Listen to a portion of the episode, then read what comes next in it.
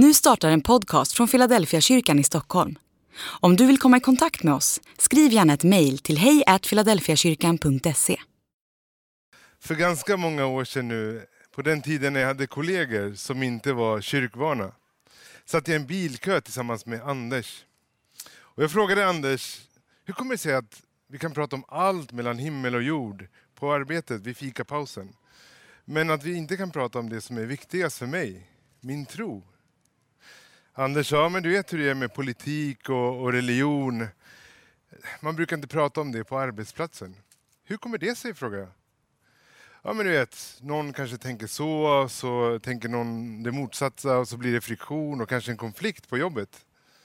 Okej. Okay. Men om eh, du hejar på Djurgården och jag skulle heja på AIK så skulle det, vara, det skulle vara det enda vi pratar om på jobbet. Om man ser på folk i stan så slår man ju nästan ihjäl varandra för fotboll mer än man gör än för politik eller religion. Det har du rätt i, sa han. Och eh, jag vet ju faktiskt vilket parti du röstar på, för vi brukar ju faktiskt prata om politik också. det har du rätt i, sa han. Då vet jag inte varför vi inte kan prata tro. Skulle vi kunna göra det, sa jag. Absolut, det skulle vi kunna göra. Och då ställde jag en fråga till Anders. Anders, tror du på Gud? Och så blir det en jättelång tystnad i bilen. Det blir så långt att efter ett par minuter så upprepar jag min fråga. Anders, tror du på Gud? Ja, jag hörde vad du sa, sa han, men jag tror inte jag fått den frågan förut. Och efter att han har funderat klart så sa han, nej Josef, jag tror inte att jag skulle säga att jag tror på Gud. Okej, sa jag, körde en klassiker. Tänk om du är på ett flygplan och den är på väg ner och störta. Vad, vad gör du då? Och då sa han, då skulle jag nog be en bön. Eller om eh, någon eh, i min närhet eller jag själv varit allvarligt sjuk, då skulle jag nog be en bön. Jag har ju döpt alla mina barn och barnbarn, de är också döpta. Och jag har inte skrivit ut mig från Svenska kyrkan. Det skulle vara att eh, utmana ödet, sa han. Så, men du ber till Gud, du döper barnen, barnbarnen är döpta och så är du, ger du av dina pengar till en församling. Du är ganska dålig på att inte tro på Gud, sa jag. Vi skrattade lite och så fick jag chans att dela min tro om vad min relation till Jesus har betytt för mig. Om alla fantastiska människor jag har mött i församlingen. Och jag fick en chans att dela det tillsammans med Anders. Men kan man göra så? Kan man leva ett liv och leva som att Gud inte existerar? Och sen be en bön och så är allt klart. Mina nya vänner i Akalla ställde en fråga till mig häromveckan. Tänk om man vet att Gud finns och att han är god, men har struntat i honom helt. Och, att, och tänk om man då befinner sig i en situation där man faktiskt skulle behöva honom. Inte kan man be till Gud då. Du vet, vänner som hör av sig bara när man behöver någonting, ibland det värsta man vet. Inte vill man vara en sån. Det skulle kännas som att man är en hycklare. Kan man komma till Gud när som helst? Finns det någon gång Gud vänder oss ryggen? Finns det någon synd som Gud inte kan förlåta? Finns det oförlåtlig synd? När jag möter människor i stan så verkar man ha svårt med att identifiera sig som syndare eller det här med synden. Det är ju relativt. Men om vi skulle gå till grundtexten, Nya testamentet är skrivet på grekiska. Och det grekiska ordet för synd är hamarthea. Och om man skulle översätta det ordagrant så betyder det att missa målet. Att vi skulle dit, men vi hamnade här. Alternativt att vara vilsen. När jag möter människor som säger Josef, hur kan du tro på en god Gud när världen ser ut som den gör? Då brukar jag säga, vem är det som har sagt till dig att något är fel? Det verkar vara någonting inombords som visar oss att vi är på väg åt fel håll. I hur vi hanterar skapelsen till exempel, hur vi hanterar kreaturen och hur vi behandlar varandra. Och det skulle nog de flesta skriva under på, att någonting är fel. Vi är på väg åt fel håll. Ibland kan man befinna sig som att man är i en skog och man hittar inte vägen ut. Natten kommer och man vet inte, vad är substansen i allt det här? Vart är jag på väg? Vilken väg ska jag välja av alla de här stigarna som går? Och man kan känna sig väldigt vilsen. Att han missat sitt mål med livet. Jag ska ta er till tre texter som Jesus säger, eller tre citat. Och båda alla tre är hämtade ur Lukas evangeliet kapitel 23. Och om man har mött Jesus i evangelierna så kan han ibland inte vara helt klarspråkig. Han pratar i liknelser, berättelser och ibland så kan man uppleva han lite arrogant sådär. Att han svarar med, på en fråga med en annan fråga. Men även han, under hans sista timmar innan han dör, så är han väldigt tydlig med vad han vill säga. Och vi läser i eh, Lukas evangeliet kapitel 23 och vers 32. Det förde också ut två förbrytare för att de skulle avrättas tillsammans med honom. När de kom till platsen som kallades Skallen korsfäste de honom och förbrytarna. Den ena till höger och den andra till vänster. Jesus sa, förlåt dem fader, de vet inte vad de gör. De delade upp hans kläder och kastade lott om dem. Folket stod där och såg på. Rådsmedlemmarna hånade honom och sa, andra har han hjälpt, nu får han hjälpa sig själv. Om han är Guds Messias, den utvalde. Och soldaterna gjorde narr av honom. De gick fram och räckte honom surt vin och de sade, om du är judarnas kung, så hjälp dig själv. Jag tänker om det skulle finnas en oförlåtlig synd, att någonting skulle gå riktigt fel, ja, men då skulle det vara just den här scenen. Där människor, i ett korrupt system, spikar fast Gud själv i mänsklig gestalt, Jesus Kristus på ett kors. Och det Jesus säger, förlåt dem fader, för de vet inte vad de gör. Han adresserar deras vilsenhet. Några dagar innan, så när han kom in och red in i Jerusalem, i intåget, så säger han Jerusalem, Jerusalem, om du visste vad som gav dig frid. Så många gånger jag har försökt samla dig som en höna samlar sina kycklingar under mina vingar. Om du visste vad som gav dig frid, men nu är det vilset, nu är det vilset för dig. Att vara troende, det är, ett annat, det är mycket grekiska nu. Ett annat ord för, för tro i den grekiska grundtexten är epistis. Att vara troende, epistis, det brukar jag tänka epistis, det har med en pist att göra.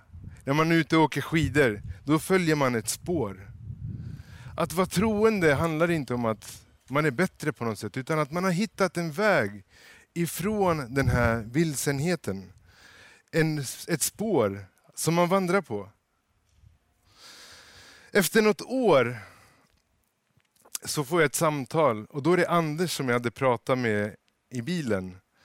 Jag har fått höra att han har varit med om en, en, någonting allvarligt i sin kropp och att han nu befann sig på sjukhus. De hade kunnat rädda hans liv och jag tänkte jag måste ju besöka min arbetskollega. Jag köpte lite fikabröd och så åkte jag till sjukhuset han befann sig på. Och eh, han kommer öppna dörren i en vit landstinget eh, linne. Och så märker jag att han är glad. Och det känns som att han har någonting att berätta för mig. Vi sätter oss runt eh, fikabordet och så har en annan vän där på besök. Men han bryr sig inte om, han vill bara säga till mig. Josef, kommer du ihåg när vi satt i bilen och så pratade vi om någonting? Och jag sa, jag har inte glömt den dagen. Jag gjorde det. Jag bad den där bönen, sa han. Och jag var så glad och tänkte okej, okay, nu har jag chansen att bara bjuda in till kyrka och allt det där. Men eh, samtalet gick åt ett annat håll. För vännen som, hade, som fanns med där, han hade också varit med i en församling där han hade upplevt att det finns ett A och ett B-lag. Och han tillhörde B-laget. Han kände sig exkluderad. Jag läser vidare till mitt andra citat som Jesus säger. Och det här är bland de finaste texterna som jag tycker finns i Bibeln. Den är så fin att jag brukar glömma att det faktiskt handlar om en rövare, ett riktigt rötägg. Leif GW hade nog sagt de här grabbarna sjunger inte i gosskören. Faktum är att han erkänner att han har fått rätt straff och det är dödsstraff. I de andra evangelierna när vi läser de här två rövarna så står det att det är två som hånar honom. Är det så att på början av dagen att han hånade Jesus också, men sen när han insåg att han håller på att mista livet, så vänder han sig till honom. Vi läser texten. Den ena av förbrytarna som hängde där smädade honom och sa, är inte du Messias, hjälp dig själv och oss. Men då tillrättavisade honom den andre. Är du inte ens rädd för Gud, du som har fått samma straff? Vi har dömts med rätta. Vi får vad vi förtjänar. Men han har inte gjort något ont. Och han sa, Jesus, tänk på mig när du är i ditt rike. Och Jesus svarade, sannerligen, redan idag ska du vara med mig i paradiset. En enkel bön, ingen lång trosbekännelse eller någon syndabekännelse. Jesus, tänk på mig. Och redan då är han inkluderad i Jesus gemenskap.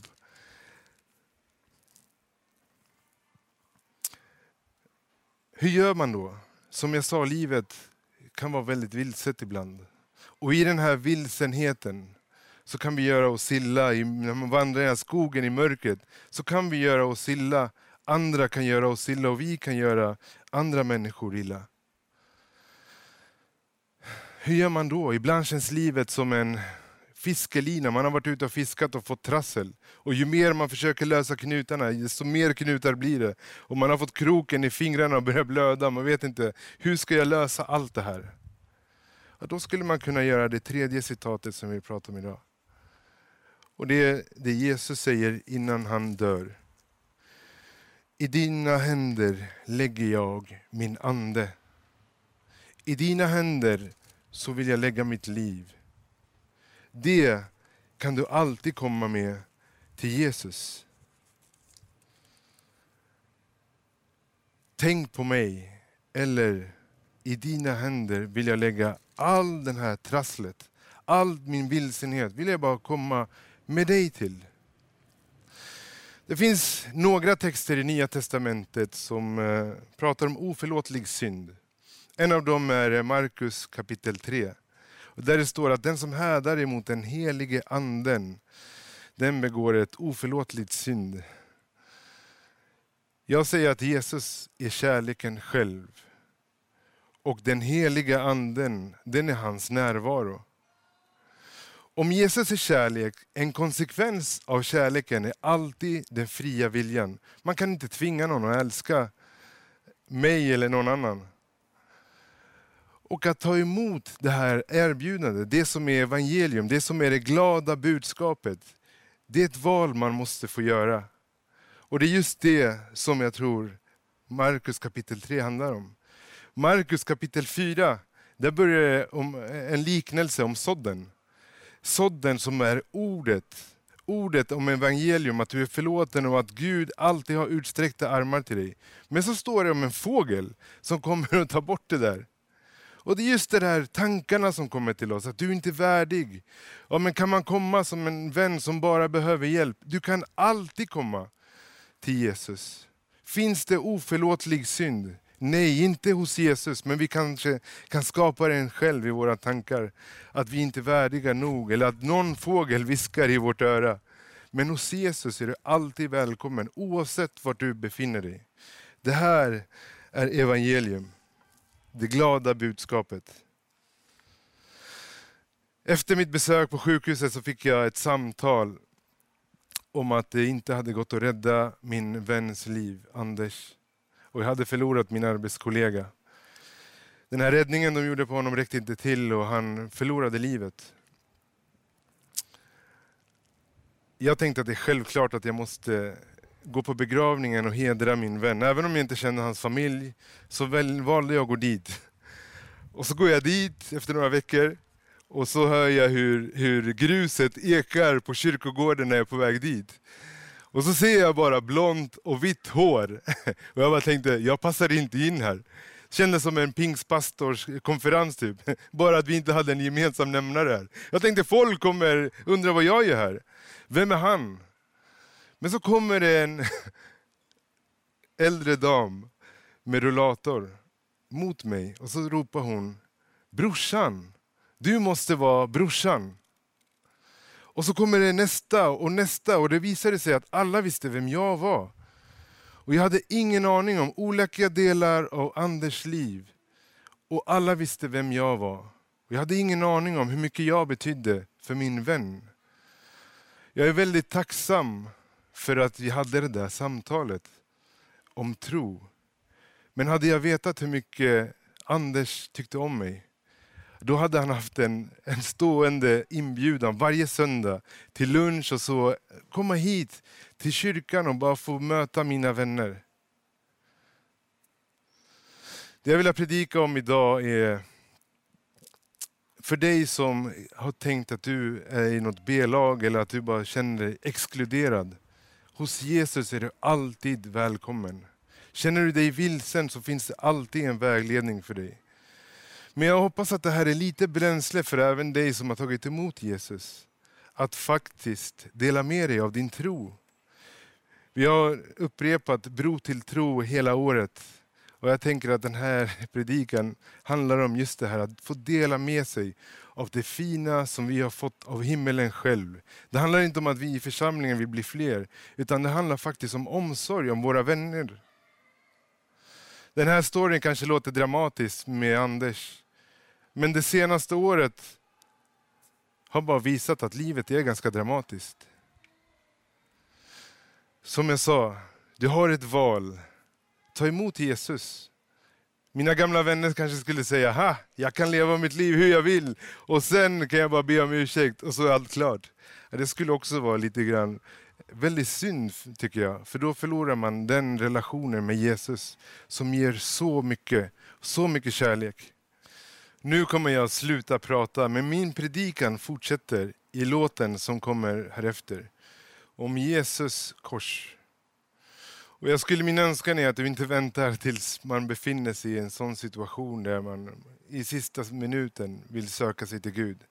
Utan att redan idag göra det här fria vilja valet att faktiskt ta emot Jesus i sitt liv.